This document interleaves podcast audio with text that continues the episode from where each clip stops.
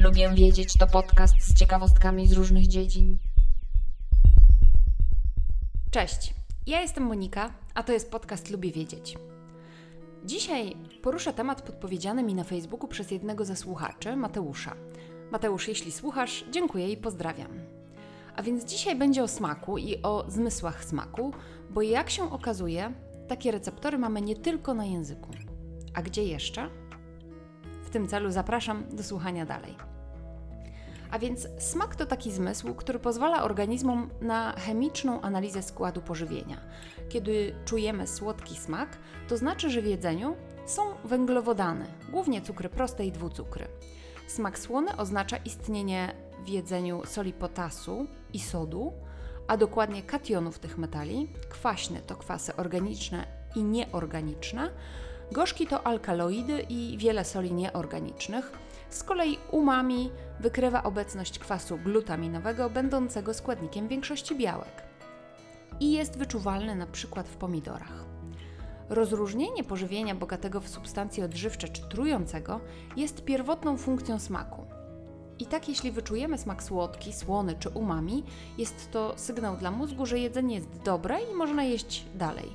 A smak kwaśny czy gorzki często są sygnałem, który wskazuje na trujące składniki pożywienia, jedzenia. Dwie ciekawostki dotyczące smaku. Pierwsza to taka, że różne organizmy mogą odczuwać ten sam produkt w różny sposób. Dla nas na przykład aspartam jest słodki, dlatego jest używany jako zamiennik cukru, ale już na przykład myszy nie odczuwają smaku aspartamu jako słodki. Z kolei druga ciekawostka to taka, że jeżeli uczyliście się w szkole o tak zwanej mapie smaków na języku, to możecie już o niej zapomnieć. Bo to nieprawda, że smak słodki odczuwamy tylko na czubku języka, kwaśny na przedniej części boków języka, słony na dalszej części bocznej, a gorzki tylko i wyłącznie na tyle języka. Nie ma takiej specjalizacji kubków smakowych na języku. Smaki odczuwamy mniej więcej tak samo na całej przestrzeni języka.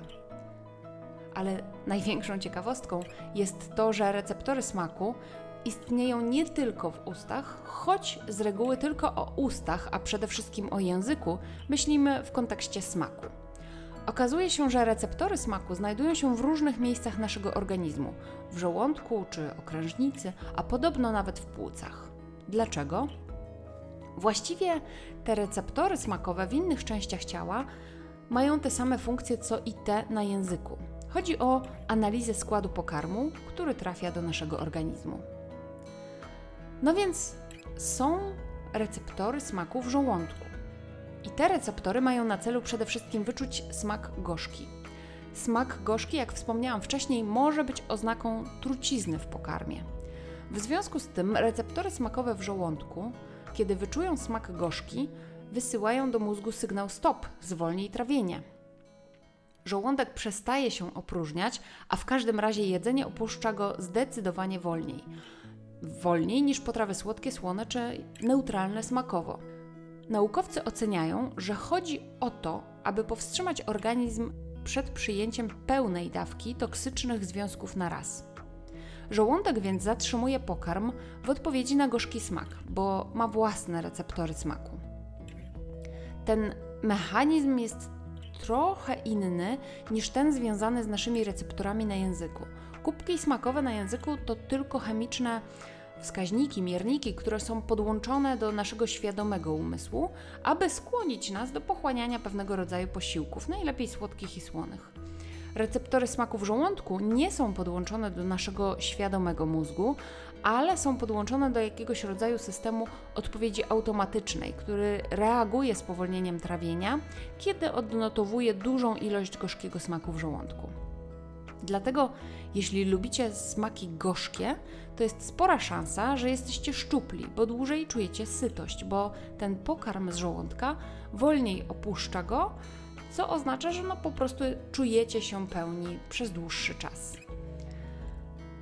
Co ciekawe, receptory smaku są naprawdę wszędzie, tak jak wspomniałam, także w okrężnicy.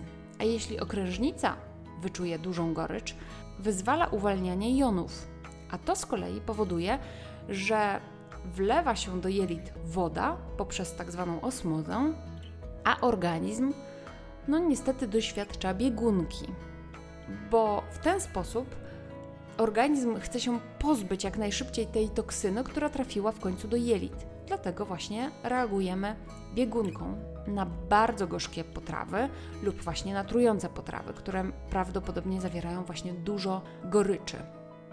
A na koniec jeszcze ostatnia ciekawostka dotycząca receptorów smaku u zwierząt. Okazuje się, że nie wszystkie zwierzęta mają tak dużą ilość receptorów smaków jak ludzie. Ludzie mają szacunkowo około 10 tysięcy kubków smakowych na języku. Jeśli chodzi o ptaki, one mają bardzo mało kubków smakowych, około 30. One tak naprawdę no, czują jakiś smak, ale to nie jest takie bogactwo, jakie czujemy my. Jeśli chodzi o psy, to 1700 kubków smakowych, natomiast koty około 500.